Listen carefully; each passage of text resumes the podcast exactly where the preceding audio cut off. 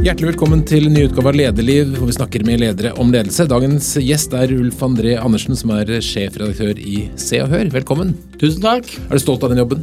Absolutt. Se og Hør er jo et blad som alle kjenner til, men hvordan går det nå? Det jo, ukepressen har jo blitt litt mindre med årene. Ja, og det er spennende at du sier ukepressen, for vi prøver jo å transformere virksomheten vår til å bli en digital virksomhet og gå fra noe som er tradisjonelt papir til å bli digitalt. Og det er det vi jobber mye med. Mm. Og Hvordan går det, da? Nei, Det er på rett vei. Vi er jo ikke i mål, og det kommer vi aldri til å bli heller, sikkert. Men uh, Se Hør har jo hatt den fantastiske historien at de har tjent masse penger opp gjennom sin 43 år lange historie. Og så skal vi ta denne suksessen over i den digitale virksomheten. Og det krever mye i en organisasjon. Blant annet hvorfor skal vi drive med det? Vi har tjent så mye penger opp gjennom historien at eh, da spør folk hvorfor skal vi forandre oss. Men uh, det forteller markedet oss at vi må, og mm. teknologi og alt. Hvor mange leser på nett, hvor mange leser på papir? Hvor mange som leser oss er litt vanskelig, for folk vil jo gjerne ikke innrømme at de leser oss. på papir så vet vi hva opplaget vårt er. Og det er ca. 100 000 på tirsdag i underkant av det, og ca. underkant av 30 000 på fredager. Det er mye. Ja, Og så har vi vår digitale virksomhet, som vi har klart å få en kraftig økning på. Som, eh, vi er vel den som har hatt eh, størst vekst blant mediene det siste året. Så på, på nett så leser cirka, har vi ca. 9 millioner i underkant av 9 millioner sidevisninger med rundt 400 000 unike brukere. Så det begynner å bli eh, stort. Så vi rekrutterer jo en del folk rundt det. Mm. Hvem er den typiske leseren? Typiske leseren er egentlig alle. Altså det har vært litt forskjellig da. Når vi lagde vår strategi, så var det at eh, print skulle ha en eldre leser. Og det digitale skulle ha en yngre, så vi ikke skulle kannibalisere. Og så har vi forandra strategien vår på, på, nett nå, eller digitalt, og skal fange mye bredere for å kunne vokse mer. Hvor lenge tenker du at det kommer til å fortsette på papir? Nei, jeg tror eh, Hvor lenge vi har to utgaver i uka, det er et godt spørsmål. Mm. Men tirsdagsutgaven vår, som er den klassiske utgaven, den tror jeg kommer til å vare i mange år framover. Vi klarer jo ikke å rekruttere nye lesere, og folk holder seg i live lenger. Så da tror vi at det kommer til å vare i mange, mange mange år. Mm. Og hva er liksom drømmeforsiden på, på, tirsdag, hvis du skulle kunne velge helt fritt hvilken som helst sak? Hvilke kjendiser skal det være, hva skal det handle om? Nei, det er jo de kongelige har jo en veldig sentral stilling hos oss. og det er jo en drømme... Vi hadde en drømmeforside i sommer når Inger Alexandra fikk seg en ny kjæreste. Det er sånn som vi syns er spennende. Da skjer det noe nytt, og leserne syns det også er spennende. Og det er jo en gladhistorie òg. Er det da sånn at salget spretter opp? Ja, det må jeg innrømme at det, det er en god forside. Er gladhistorier like bra som skandaler, eller er det bare noe som er bedre? Det er miksen som er avgjørende. Mm. At, uh, vi liker å ha mange gladsaker òg. Og så er det er jo ikke til å underslå det at et eh, brudd av en stor kjendis også selger blader. Mm. Og vi er opptatt av kommersiell virksomhet, for vi må tjene penger. Vi får ikke noe støtte eller noe sånt. Så vi er veldig åpne på at vi er en kommersiell bedrift. Og kongehuset er selvfølgelig stort. Hvilke andre kjendiser er det som selger bra? Nei, Det er litt av utfordringen vår. Da, at eh, Tidligere så visste hvem alle kjendisene var, for du hadde få TV-kanaler, mens det har blitt mer differensiert. og du har fått flere kjendiser, på en måte, men de har blitt mindre i den forstand at ikke alle vet hvem de er. Mm. Og det er vår utfordring. Så hva, hvem, hvem, er det som er store nok til å fortjene en forsideplass? Nei, ikke sant? På papir, hvis det er det du snakker mm. om, så er jo det de gamle, klassiske kjendisene som gjerne har vært store på TV. Mm. Mens dagens nye youtubere eller andre ting når ikke opp? Nei, ikke blant uh, Vår kjerneleser kaller vi Gerd mm. på, på, på, print, og hun uh, er ikke så familiær med dem. Hvor gammel er Geir, og hvor bor hun? Geir er nok 55 pluss og bor i hele landet. Mm -hmm. Og da, hva er, um, Hvor mange journalister er det du har som jager disse gode sakene? Nei, Det er egentlig en litt spennende historie. for når jeg begynte i Se og Hør i 2008, så var det 120 medarbeidere. Du kan jo gjette hvor mange det er i dag? Det er vanskelig, men åpenbart færre. ja. Nå er vi 35. Og nå har vi akkurat eh, nesten rekruttert ti nye, så det er vokst i det siste da på digital virksomhet. Så på en måte så har det vært en av jobbene mine, det er å klare å transformere den bedriften til å bli, bruke teknologi og digitalisering for å få til det. Er det attraktivt å jobbe i Se? Ja, det, i hvert fall våre medarbeidere er veldig attraktive eh, hos andre arbeidsgivere. For det ser vi at de er stadig på jakt etter dem. Mm. Så det vil jeg si. Dere har jo eh, et rykte på gjelder metoder. altså Boken ja. til Håvard Melnes en, var det en, en, helt vanlig dag på jobben. har jeg lest faktisk, Han beskrev jo eh, ja. det de fleste av oss ville jo kalt uvanlige dager på jobben. Mm. -hmm. er den hverdagen han skildret, beskrivet hvordan det er i dag? Ja, det er alltid en uvanlig, for det er, det er aldri en dag som er lik. Så du kan si at eh, sånn sett så stemmer jo boka ganske bra. Og boka var jo noe som var nytt Eh, når den kom ut i sin tid. Det som er litt spennende med Melnes, han er jo faktisk naboen min nå, så vi mm. prater jo mye sammen. Eh, men jeg fikk jo jobben min mye på bakgrunn av boka hans. Så jeg må egentlig takke Melnes for at han skrev den boka, og for så vidt også lagde film. Så, men han, han, beskriver jo mye eh, Sven og Høiby-tiden ja. i, i, sin bok. Eh, Durek Verrett må jo være en slags gavepakke til dere, er han ikke det? Jo, det kan du si at han er jo noe nytt da, i kongehuset. Så det er jo en vi liker å skrive mye om, som du kanskje har fått med deg. Men det ble noe eh, klaging, dere ble klaget inn til Pressens faglige utvalg på saken om at Durek er alvorlig syk. Hvordan gikk det? Ja, det gikk jo bra for vårt vedkommende, for vi vant jo den saken. Eh, den eh, var jo enstemmig i PFU at vi ikke hadde brutt god presseskikk, så det var vi stolte av. og Det viser jo at vår journalistikk er innafor. Men er det en del av strategien deres å liksom presse grensene for hva som er god presseetikk? Vi liker å presse grensene innimellom. Eh, det, det, mener jeg er en av våre oppgaver også. Eh, men vi liker å, å falle ned på riktig side. Er det, er det, det, er et mål for oss å ikke bli felt i PFU. Mm. Altså det står i min stillingsbeskrivelse at jeg ikke skal ha felles i PFU. Du fikk også kritikk for å, å gi navnet til en eh, påstått kjæreste da, av prinsessen. Hva syns du om det? Nei, Det var jo en debatt rundt det også, men vi mener at eh, når noen har en eh, offentlig, offentlig bursdag på, på, Slottet, så mener vi det er innafor å skrive om hvem som er der. Mm. Så det er der du setter grensen når folk opptrer offentlig? Ja. Så er det sikkert noen eh, gråsoner her. men det, det, det, gikk jo også rykter om at dere, veldig, at dere har et kildenettverk, at dere betaler folk her og der for, for å gi det tips. Kan du, kan du røpe litt om hvordan dere får tipsene om de gode sakene? Vi får jo mye tips, og så er det, det er kanskje mer en myte at vi betaler så mye penger. Men det vi betaler for, som vi er helt ærlige på, det er billedpakker. Altså mm. eksklusive bilder. Mm. Som privatpersoner har tatt? Det kan være det. Men, man... men, som regel så er det ikke det. Det er på en måte at vi dekker et bryllup som kanskje vi kjøper rettighetene til. Da. Men hvis jeg tar et bilde av kjendis med mobiltelefonen din, kan jeg selge det til Se og Hør? Det kommer helt an på hva det er for noe. Mm. Vi ikke si sånn, Som hovedregel så er vi at vi skal ta våre egne bilder, men det har helt sikkert skjedd at vi har kjøpt bilder av andre. Du sa at du fikk jobben eh, pga. Eh, Melnes sin innsats. Eh, fortell litt om det. Nei, det gikk jo på at eh, i kjølvannet av boka til Melnes og den situasjonen Se og Høre var i, så, så, var det mye som skulle ordnes opp i, bl.a. rundt presseetikk, økonomi og sånne type ting. Og da han som var sjefredaktør i Se og Hør på det tidspunktet, han het Harald Hove, og vi hadde jobba tett sammen i Dagbladet, så han trengte egentlig bare en person som han uh, visste han kunne jobbe sammen med. Så da ble jeg henta inn for å være med å rydde opp i det.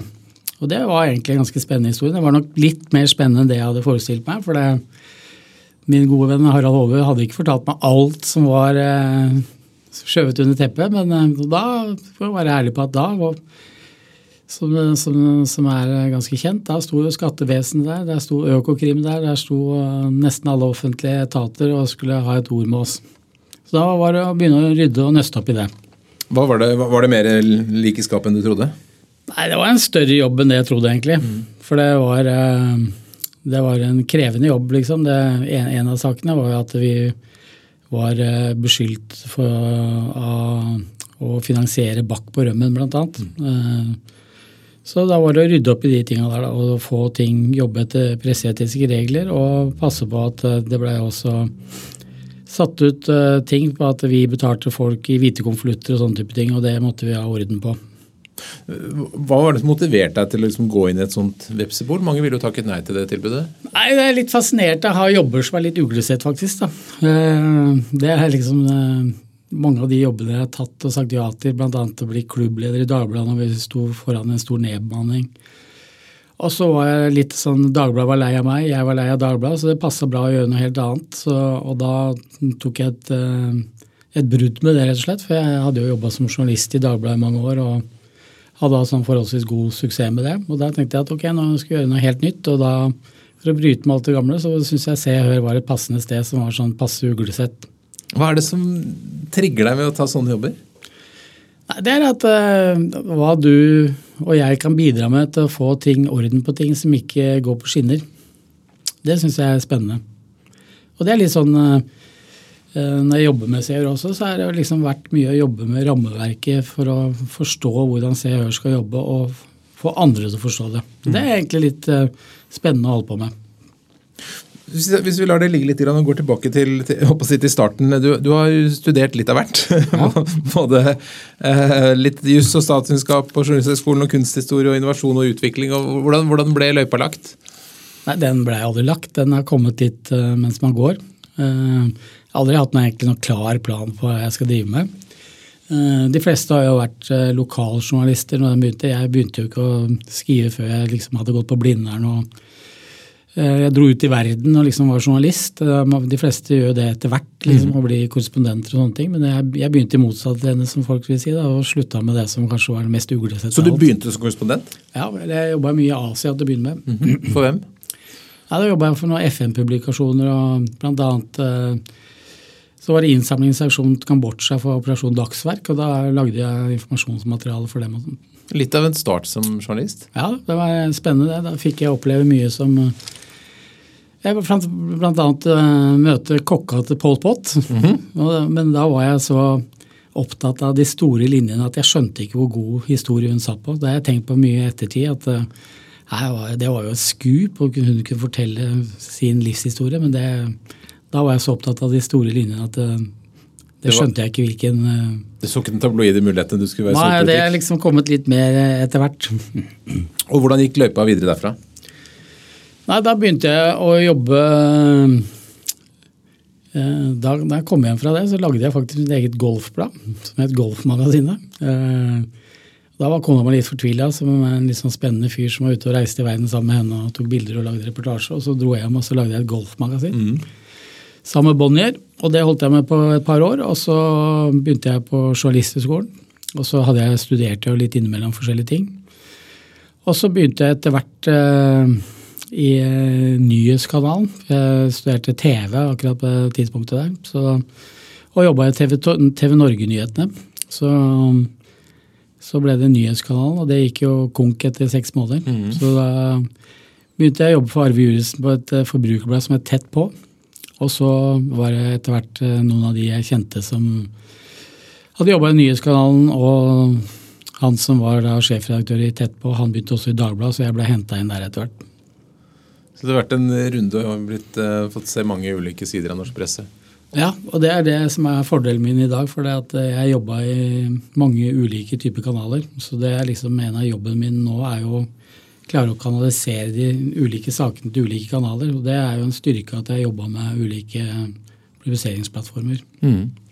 Og se, altså, Du nevnte Dagbladet Se og Hør, dere er i samme familie. Er det to søsken som trives godt sammen? Ja, altså det, jo, det ble jo kjøpt opp for noen år siden av alle media, og alle media eide av Se og Hør. Eh, Se og Hør var jo dem som tjente mest penger i alle media, så det var jo vi som finansierte oppkjøpet av Dagbladet. Og det var en spennende greie å være med på. Jeg gikk ut fra Dagbladet, da lo jo alle av meg at han skulle begynne i Se og Hør. Liksom. Når jeg kom tilbake, så hadde vi kjøpt dem. Så det var jo litt eh, spennende, egentlig. Det, er det tanken at det skal være noe synergi mellom disse, eller skal de bare tjene penger hver for seg? Nei, det, Synergien var jo det at eh, når vi for noen år siden uh, i Se og Hør holdt på med print og skulle bli mer digital, da var jo Se her, som det het den gangen, et eget uh, selskap som ikke var i vår redaksjon. Og Etter hvert så tok vi det inn i redaksjonen igjen. Og da sto vi overfor to ting. Hvordan vi skulle klare å få den uh, til å gå økonomisk. Og da kunne vi velge om vi skulle vokse organisk eller kjøpe opp noe. Og da kom Dagbladet for uh, til salgs. og så da Konsernledelsen tente på det. Og da var jo jeg en av de som kjente til den bedriften, så da ble jeg hyra inn på bakrommet for å sitte og jobbe med det. Og da tenkte vi sånn at uh, ja, hva er det vi kan få ut av det? Og da var det viktig for oss å kunne få del og få opp trafikken vår digitalt kjapt. Så det var det vi, måten vi utnytta det. I begynnelsen av så hadde vi bokser på forsiden av Dagbladet. Mm. Og så har vi klart å konvertere den trafikken som vi fikk på den tida, til å bli direkte til oss. Så det har vært et vellykket grep? Absolutt. Det som var vanskelig, var jo at uh, Se og Hør og Dagbladet var jo to uh, De hadde jo nesten som forretningsmodell å skjelle hverandre ut. Mm. Og da jobbe med å få de to kulturene sammen, det var en stor utfordring. Og det var mange mislykka forsøk til å begynne med. Ja, hvordan gjorde du det? Nei, For det første så handler jo det her mye om uh, myter og mye om uh, fordommer som uh, var i begge leirer, egentlig. Og siden jeg kjente begge to, så kunne jeg liksom Da handla mye om kommunikasjon og prate sammen, at det er ikke sånn som dere tror. Og vise at vi ser jo så driver man med journalistikk, og man intervjuer faktisk folk. Man finner ikke på ting der som man hadde et inntrykk av. Og i Dagbladet så var det, eller Se og Hør og Dagbladet var jo at Dagbladet var kulturavisa, var liksom på sin høye hest og red bortover. Men sånn var det egentlig ikke heller. Mm.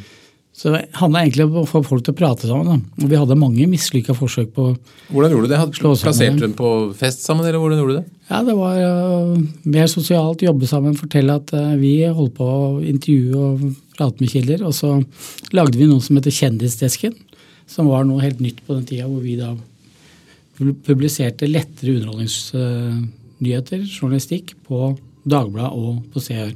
Så da fikk vi egentlig betalt for artikkelen to ganger. Så det var en ny måte å gjøre forretninger på. da. Eller journalistikk på også. Hvilket av disse to mediene har blitt mest forandret av sammenslåingen? Eller ikke sammenslåingen, av, av felles eierskap? Nei, det tror jeg begge to har utvikla seg liksom mange ved å Eh, nå er det jo ny sjefredaktør i, i Dagbladet også, som er veldig opptatt av nyheter. Eh, og vi hadde ikke klart, noen av oss, å komme så langt hvis ikke vi hadde slått oss sammen og brukt felles ressurser. Dagbladet er jo mye større enn Se mm. og vi utnytter oss av De var jo langt framme før oss digitalt også, så vi har lært mye av erfaringene deres underveis. Det er vel kanskje den største forandringen vår, at eh, vi har kunnet høste av deres lærdom. Mm. Men sånn bortsett fra at du ledet ditt eget golfblad, da, når var det du først tok lederansvar? Og lederansvar, det, det, har jeg for så vidt hatt hele livet. Eh, fra jeg gikk på barneskolen, så satt jeg, var jeg elevrådsformann, husker jeg. Mm. Og jeg var russepresident. Eh, så det, sånne lederoppgaver det har jeg hatt store deler av livet, egentlig. på en eller annen måte. Jeg har aldri vært sånn politisk aktiv, men eh, enten starta mine egne virksomheter eller eh, holdt på med skole og vært leder i sånne, sånne typer jobber. Hva er det som driver deg til å ta lederansvar? Nei, det er at jeg føler at jeg kan bidra med noe. At jeg, har, eh, at jeg kan være med å påvirke. At jeg kan se ting, hvordan ting utvikler seg, og ta en rolle i det. Du, har du en slags lederfilosofi? Lederfilosofien min er rett og slett å være nysgjerrig og ta de mulighetene som eh, kommer. Eh, jeg har ikke noen sånn stor plan og jeg Jeg har ikke noen sånn femårsplaner, jeg har aldri hatt, liksom. Men jeg har tatt, tatt, ting som kommer der og da, og vært nysgjerrig. Nysgjerrig eh, er en ja, noe som jeg syns er superpositivt for å kunne ja, bare være nysgjerrig på alt. Mm. Altså enten det er journalistikk eller teknologi eller hva det er for noe. så ja, er pressen en bransje hvor det er mye god ledelse? Eller? Nei, egentlig ikke. Jeg tror pressen generelt eh, har dårlig lederskap. Og det, det er noe vi sliter med internt i Zero. At vi kan bli mye bedre på det. Mye å hente på det. Så vi får jo ofte litt hjelp fra eksterne for å se på organisasjonen vår. og det som eh, vi i mediebransjen er gode på, er å løse konkrete ting. Drift. Men vi er ikke så flinke til å stoppe opp og tenke på hvor er vi skal hen? Hva, hva, er det som gjør at eh, medarbeiderne våre strives, f.eks. Sånne type ting må vi bli mye flinkere på. Der tror jeg mediebransjen er generelt dårlig. Veldig leveranseorientert? Ja, veldig. Deadline-orientert. Mm -hmm. ja. Så det har vi jobba mye med. liksom Prøve å lage en uh, filosofi og få folk til å forstå hvor vi skal hen. Så vi har lagd noe som heter CR-boksen, som går liksom på fire deler. Og er, De fire delene det er min oppgave å smøre dem og ha kundene i sentrum. Liksom. Det går da på interne forhold, som er da vårt journalistiske program, organisasjonen som vi snakker om nå. Der har vi mye å hente på, hvert fall på organisasjonen. Og så er det teknologi, hva er det som skal til for at vi skal komme ut, hvor er vi, hva er det vi trenger. Og så er det distribusjon som har blitt veldig viktig i, i vår verden. Før så kjørte vi ut bladene og, eller avisene og var ferdig med det, mens nå er det jo så mange nye kanaler. Hvordan forholder vi oss til det? Hvordan hvordan skal vi publisere i de ulike kanalene? Hvordan kan vi få trafikk inn til oss? Og så er det Det siste er rammebetingelser og reguleringer. Og da er det kunden i sentrum. er sånn i forhold til de, og det er, det er min jobb å smøre det maskineriet her til å få det til å fungere best mulig og ta ut potensialet.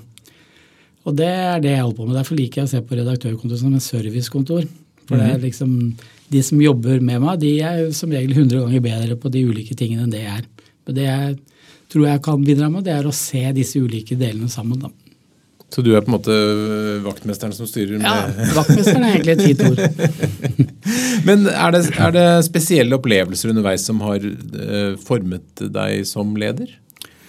Ja, det tror jeg. jeg. jeg. var jo klubbleder i Dagbladet under den store nedbemanningen. Det var den største nedbemanningen i, i mediebransjen. Altså, det hadde jo vært nedbemanning, men ikke så stor. Vi skulle på en måte det var jo 100 stykker som måtte ut av bedriften. Å stå i det, det forma meg mye som menneske. Hvordan å stå i sånne krisesituasjoner hvor du har press fra alle sider. Det var veldig lærerikt. Å, å forstå det med kommunikasjon og åpenhet og den type ting. Liksom, og at folk på en måte er avhengige av det. Mm. Hva var det viktigste du lærte?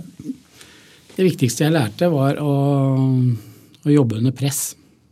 Så hver morgen så hadde jeg leid inn en boksetrener som jeg sto opp, og så boksa jeg med han sånn halv sju til halv åtte, og så gikk jeg på jobb for å være våken. Og Hvordan fikk du den ideen? Nei, det var bare Når jeg tok den jobben som klubbleder i Dagbladet, så, så lurte jeg på egentlig hvordan jeg skulle jobbe med det. For jeg hadde ikke noe erfaring med det med klubbledelse. Da studerte jeg mye på Røkke-systemet. Og da så jeg at de brukte mye trening som en uh, greie for å samle seg. Og så hvordan de metodene de brukte for å samarbeide mellom klubb og ledelse. Vi hadde jo en veldig tøff situasjon, for vi var jo uenige i måten man skulle nedbemanne Eller mm, prosessen. For det var jo konsulenter inne fra Boston Consulting, som vi kalte Boston Stranglers. og der var det, veldig, det var en veldig konfliktfylt situasjon. Og hva, si, hvordan, hva, gjorde det med deg når du kom på jobben og hadde hatt litt boksetrening på morgenen før det? Ja, Da var jeg våken, liksom. Altså, våken i huet, rett og slett. At uh, du var klar for å sette deg inn i nye ting. og Du var forberedt, egentlig. Så du var ikke sånn aggressiv og ville slåss? Nei, da hadde jeg fått ut det på, på boksinga, egentlig. Så da hadde jeg liksom roa meg ned og klart å få litt mer harmoni. Er det noe du har fortsatt med, eller? Jeg, jeg fortsatt å trene, da, men uh, ikke så mye boksing. Jeg har aldri hørt den, den oppskriften før. Det var ganske, ganske kreativt. Eh, hvordan gikk eh, i ettertid? Hvordan var, var, det en bra nedbemanning? Nei, egentlig ikke. Eh, det ble jo ingen som ble oppsagt. Men eh, eh, det som var en av våre hovedkonfliktsaker, var at vi ville gjerne ha utsatt prosessen over sommeren, så da kunne vi bruke sommeren til å få folk til å omstille seg. Så det brukte vi masse tid på å få kjempa gjennom. Og når vi fikk til det, så gikk det jo bra i den forstand at uh, ingen ble oppsagt, men, men uh, man brukte jo for liten tid på å finne ut hva Dagbladet skulle være for noe etterpå. Da vi brukte for mye tid på å krige. Mm. Uh, altså, ja, for å, Jeg mener jo det er helt feil å leie inn konsulenter når du skal drive med omstilling. Det er som regel feige sjefer og ledere som meg eventuelt, som da må leie inn konsulenter for å forsvare hva man driver med. Og det fører aldri noe godt med seg. Konsulenter kan være gode til å og bistå i prosesser, liksom, og klare å holde orden og sånne ting. Men um, selve grunnlaget er eh, de ledere og de ansatte som må gjennomføre. Når det har vært en, en, sånn konfliktsituasjon mellom ledelse og ansatte, hvor, hvor, dype spor setter det i hele samarbeidet i organisasjonen? Ja, Det setter nok dype spor. Eh, vi gikk jo så langt at vi gikk til mistillit eh, for sjefredaktøren. Så det, i sånne situasjoner så viser jo all erfaring at da kan man ikke lede videre etterpå. Har, du, um, har, har dette hjulpet deg å unngå konflikter senere? Nei, det jeg finner ut er at det er viktig å være direkte. Altså, du må, tørre, må ikke skyve ting under teppet. Og ha en direkte dialog og ha respekt for folk. Mm. Det er sånne type situasjoner når på en måte så, så, blir folk prater ikke sammen, og folk slutter å hilse på hverandre, som jeg mener er helt unødvendig. Da. Og så prøve å finne ut ikke sant? Alle er jo egentlig i samme båt. Eh, hvis ikke selskapet overlever, så kommer du ikke videre heller. Det gjelder begge parter. da. Mm. De, de, fleste har vel kanskje hvis man har sett film og sånn, et bilde av hvordan det ser ut i redaksjonen eh, i Seor. og tenker at det er veldig høyt tempo, folk løper og springer og det er mye kjefting og skriking. Hvordan, hvordan, hvordan er hverdagen hos deg? Nei, det er jo det er jo å koordinere alle de ulike kanalene vi holder på med. For vi, vi holder på med det som vi snakker om den digitale virksomheten vår, som det er et nettsted, altså en freesize mm. vi kaller det, og betaling og TV. Mm. Og så holder vi på å utvikle podkast som vi sitter og holder på med her. Ja, podkast anbefaler vi. Ja. Og så holder vi på med print, ikke sant, som er to utgaver i utgave. Så lager jeg også et TV-blad som heter På TV. Og så holder vi på med eventer. Så all, alle disse tingene her de skal på en måte bygge opp under vårt hovedmål, som er å vokse digitalt på sidevisninger og unike brukere. Og da blir det litt kaotisk da, når man må holde på med og folk som har litt sånn ulike målsetninger og sånne ting. Og så skal vi andre prøve å styre dette her. Og det blir hektisk. Og så skjer det nyheter der ute som du må forholde deg til. Mm. Og da skal du få dette her til å fungere sammen. da. Er det, det er det, er det som er spennende med jobben. Skriking og ja, Når det skjer mye, så, så, er det roping og skriking, og det er en del av temperaturen. Mm. Uh, men så er det viktig da å beholde roen, for du skal jo bringe dette videre til noen andre, og da er det viktig at det kommer ut. Journalister vil jeg si er jo ganske rolig og vant til å jobbe med deadline, så det er ikke noe sånn superkrise hver gang det skjer noe. Folk syns jo det er litt spennende, og det er litt av drivkreften med jobben å, å jobbe i sånn type miljø. Hva slags egenskaper ser du etter når du rekrutterer folk inn? Nei, det er eh, Vi pleier å si at det, det var morsomt om de spilte fotball, for da vet vi at de er lagspillere. Mm. Og så ser jeg litt på en egenskap som ikke folk snakker så mye om, som ikke jeg har lest mye bøker om. Jeg liker folk som er litt late. Ikke at det skal være negativt, men jeg finner ut at folk som er litt late, de eh, jobber effektivt og går ikke rundt grøten. Eh, og så skal de på en måte jobbe så at det blir troverdig og at det er ordentlig det de gjør. Men folk har en tendens som er litt late til å finne nye og mer effektive måter å jobbe på. Eh, men det, det er noe jeg ikke har lest. ja, Det er ganske uvanlig. Ja. Ja. Det er vel kanskje ikke noe folk svarer på sånn i jobbintervjuer. Er du lat? Nei. Så men det er jo en egenskap som jeg syns er litt spennende å, å, å se på, da, hvordan folk jobber. Men det er vanskelig å finne ut av da, mm. når du har jobbintervju. Og så er det selvsagt det å være nysgjerrig, og at folk er villige til å utvikle seg. At uh, folk må ikke være ferdig, ferdig utlært, men, men, at de er villige til å si at, de, at du får et inntrykk av at de er villige til å, å utvikle seg, er veldig viktig. Særlig det verden vi går inn i nå. Er du litt lat selv, eller? Ja, det vil jeg si. Hvordan, hvilken fordel har du av det? Nei, Det er det jeg sier, at da, da gjør jeg ting på en effektiv måte. Eh, og så er det det at eh, da er det fint å ha noen andre rundt meg som pusher meg òg. Mm. Mm. Jeg er nok litt bedagelig anlagt. Mm. Det legger jeg ikke skjul på.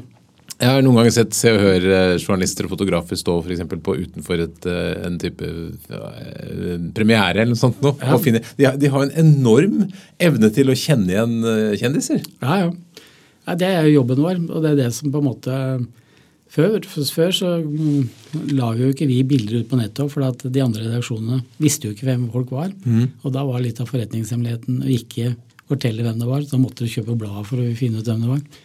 Det er ikke så enkelt lenger.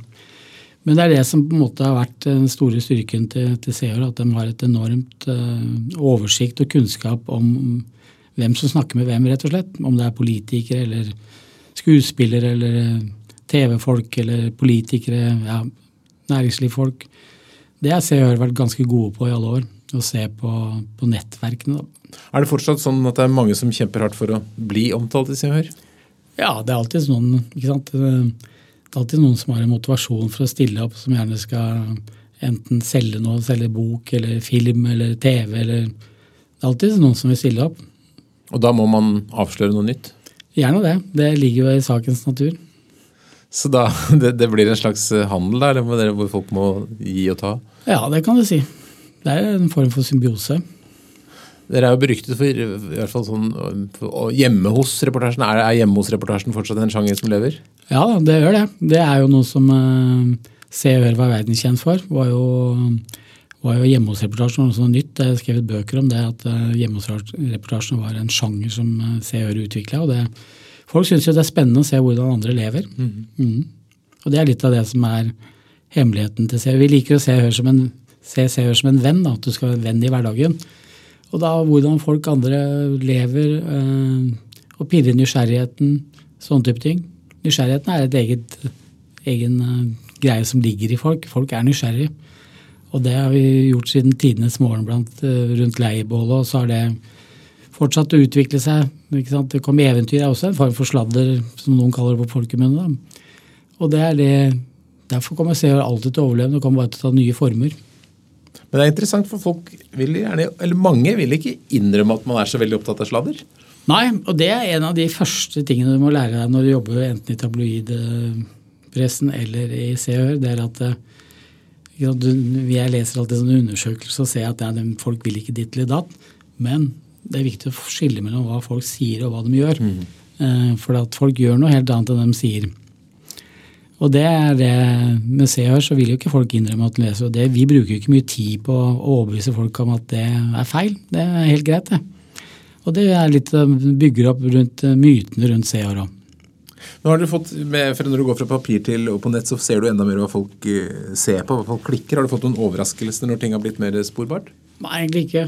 Men uh, vi hadde en test hvor vi testa forsidene. For digitalt så kunne vi teste, vi hadde en brukergruppe som testa forsidene på hva folk vi trodde de skulle kjøpe, og hva vi mente de skulle kjøpe. Mm. Og av ti av ti så mente redaksjonen vant hver gang. Uh, for folk sier ikke at de vil ha et brudd, uh, at de syns at det er noe de vil lese om, men de kjøper det. Og det kan du da finne ut faktisk, da, når du ser digital virksomhet og, og ser på hva folk egentlig gjør for noe, så får du jo da faktisk informasjon. Mm. Det er, men for meg har ikke det vært overraskende. Men enkelte kjendiser vil jo helst ikke se. Hva tenker du om det? Nei, det syns jeg er helt greit. Men det, det, kommer litt an på. da. Det, noen eh, ønsker å verne mer om privatlivet sitt. Det må vi ha respekt for. Og så ønsker vi å pushe det, selvsagt. Det er en del av jobben vår. Og det må vi godta. Hvor går de grensene? Nei, Det er jo ikke noen klare grenser. Det kommer fra sak til sak. Du har jo... Øh, Men der har vi rammeverket. Vi jobber jo etter pressens øh, etiske regler, altså mm. Vær varsom-plakaten. Mm. Uh, som jeg sa i stad, så har vi jo som mål å ikke bli felt i PFU. Mm. Syns du altså, Dere går jo litt lenger enn andre. Syns du de andre redaksjonene er, er for tamme? Det ligger, altså, jeg syns jo ikke tabloidpressen er for tamme, liksom. Uh, og vi uh, Jeg tror jo grensen har flytta seg, rett og slett pga. sosiale medier. Altså Folk prata ikke så mye om privatlivet før, men nå skal jo alle legge ut i sosiale medier om mm. alt mulig rart. Så hva er grensen for folk? Det er ikke så oppsiktsvekkende det vi holder på med lenger, egentlig. Men kan da en kjendis ødelegge for seg selv hvis man deler for mye på sosiale medier? så har det på en måte, der er spenningen borte? Nei, jeg har fått mange ganger det spørsmålet at uh, sosiale medier må jo ødelegge flere. Men ja, egentlig ikke. For uh, det vi skriver om, det er enda litt mer privat. Så det uh, offentliggjør ikke folk på sosiale medier. Mm. Så for oss er mer det en kilde enn, at det er en konfliktsituasjon. Men det er klart, det er ting vi skrev om før som, som har blitt mer vanlig i sosiale medier, som har tatt over den rollen. Da må vi kanskje bli enda mer private. da. Mm. Hva er de beste spørsmålene som en journalist kan stille som du liker? Nei, ikke sant? Det, det, er den klassiske som er sånn klisjé. Hva føler du nå? Mm. Altså det, det, folk kan le av det, men det er egentlig et ganske godt spørsmål. Og det er det som er fordelen vår i ser, Vi, med, vi jobber med følelser. Vi skal vekke følelser hos folk. Uh, vi er ikke så faktabaserte. Uh, og Det gjør at CR kommer til å overleve lenger også i forhold til automatisering og digitalisering og robotjournalistikk, mm. som kommer til å komme mer og mer. Det er at uh, Robotene klarer ikke å fange opp det, og da er de følelsene vi snakker om, viktige. da. Hvordan ville et oppslag om deg sett ut hvis en av dine beste journalister hadde gått på? Hva hadde vært overskriften? Ja, hva skal vi si det er? Det ville jeg sagt uh, her er hemmelighetene, de private hemmelighetene til Ulf André Andersen. Sånn gikk han ned 70 kilo i vekt. Har du gått ned 70 kilo i vekt? Ja, ja. Hvordan klarte du det, da? Ja, Det er en lang historie. så Det ble en egen podkast. det, det, er jo sikkert ganske mange som er interessert i å, i å høre om. Ja, Men det er det som er eh, også at jeg har eh, Det som er en spennende historie med meg, som kanskje hadde kommet til å se, det er jo det at jeg har nyresvikt. Eh, det har jeg vært åpen på. Så jeg har jo dialysemaskin hjemme også. Og så hadde jeg, som jeg i hvert fall klarte å oppdrive, at jeg hadde verdens feiteste kropp på en av verdens høyeste fjell. Så jeg gikk opp på 5600 meter. Eh, da veide jeg 150-60 kilo. Og det er ingen andre som har klart i verden. Fantastisk. Hva var det som drev deg til det? Nei, det er bare at jeg syns jeg liker å gå i fjellene. Og så er så, så, tur med gode venner, liksom, og få frisk luft og klare å få til noe som jeg, ingen trodde jeg skulle klare å få til. Mm. Når trives du aller best i jobben? Det er når det brenner litt, egentlig. At det skjer noe. Og at uh, vi ser at vi klarer å utvikle oss, og at vi klarer å nå litt sånn hårete mål vi har.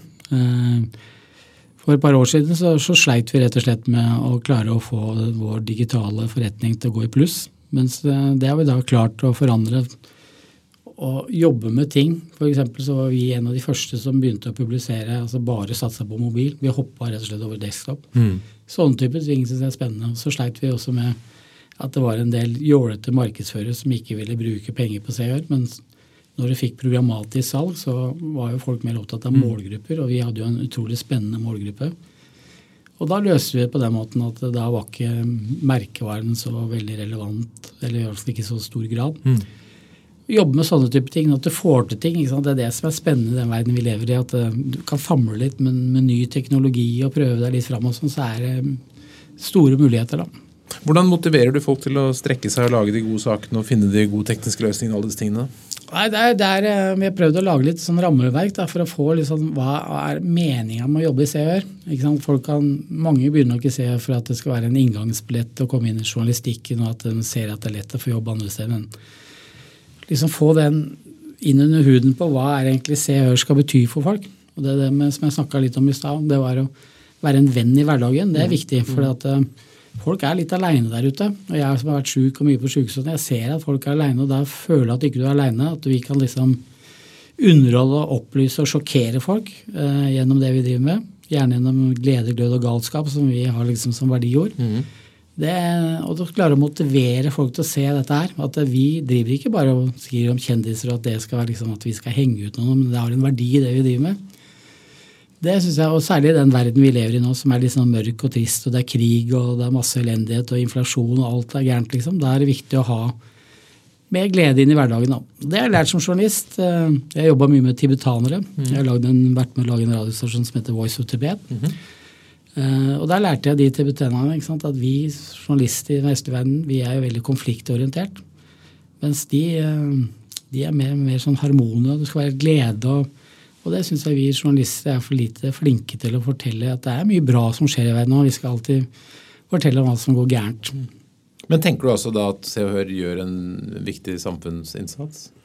Ja, På den forstand som jeg sier nå, ja.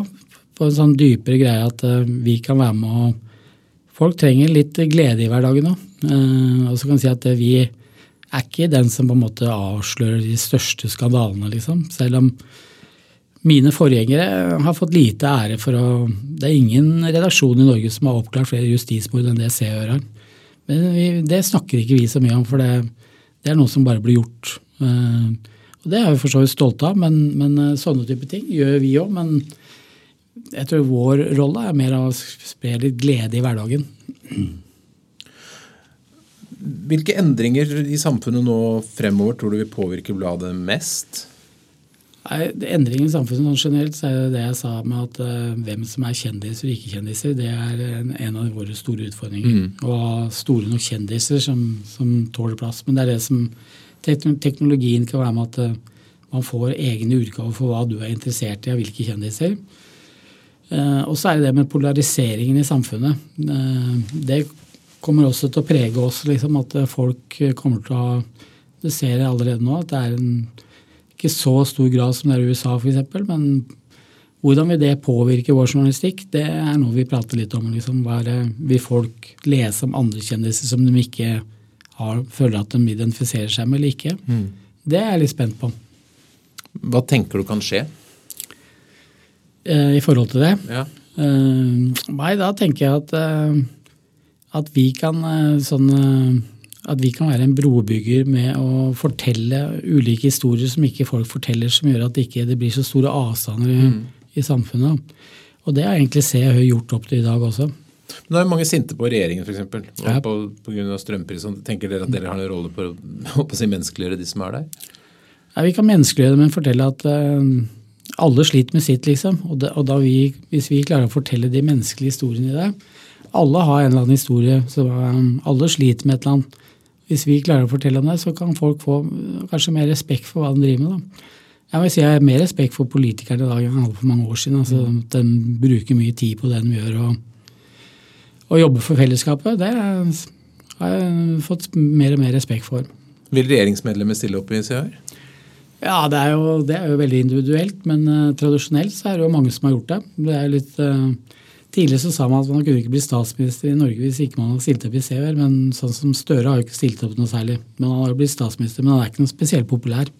Du har, du har, ikke fått lov å komme hjem til han? Jeg har ikke hatt noe hjemme hos-reportasje hos han, nei. Det, det hadde du vel likt? Ja, det ville vi gjerne hatt. Mm. eh, hvis du skulle gitt eh, Hvis det kom en ung person til deg og hadde lyst til å bli kanskje sjefredaktør eller lede noe stort, hvilke tre lederråd vil du gi? Hvilke tre, ja, det er Som jeg snakka med i stad, så ville jeg sagt at du må være nysgjerrig. Og så må du ikke prøve å bli noe du ikke er. Og så eh, må du prøve å, å, finne ut hva er det du skal bidra med. Er, hvorfor har du lyst til å bli det? Hva er det du kan påvirke? Det, hvilke egenskaper har du gjør som at eh, du kan uh, sette ditt preg på det? Helt til slutt, uh, Ulf André Andersen, hva føler du nå? Nå føler jeg at jeg har fått prata mye. Altfor mye, egentlig. og så syns jeg det er morsomt å sitte og prate om dette her, fordi at Eh, en sånn muntlig kontekst det er noe jeg sjelden gjør. For at som regel så har vi på en måte en tavle vi tegner på, men å sitte og bare sette ord på det uten å ha noe visuelt, det, det syns jeg var en ganske spennende utfordring, egentlig. Bra. Tusen takk for at du kom til Lederliv. Lederliv er en podkast fra kommunikasjonsbyrået Apeland. Vi legger ut nye episoder hver eneste fredag. Redaksjonen består av Ingrid Hogneland, Lars Volden, Lars Jarli Melum og meg, som heter Ole Kristian Apeland. Tusen takk for hyggelige tilbakemeldinger og tips om ledere. Bare fortsett å sende til oleatapeland.no.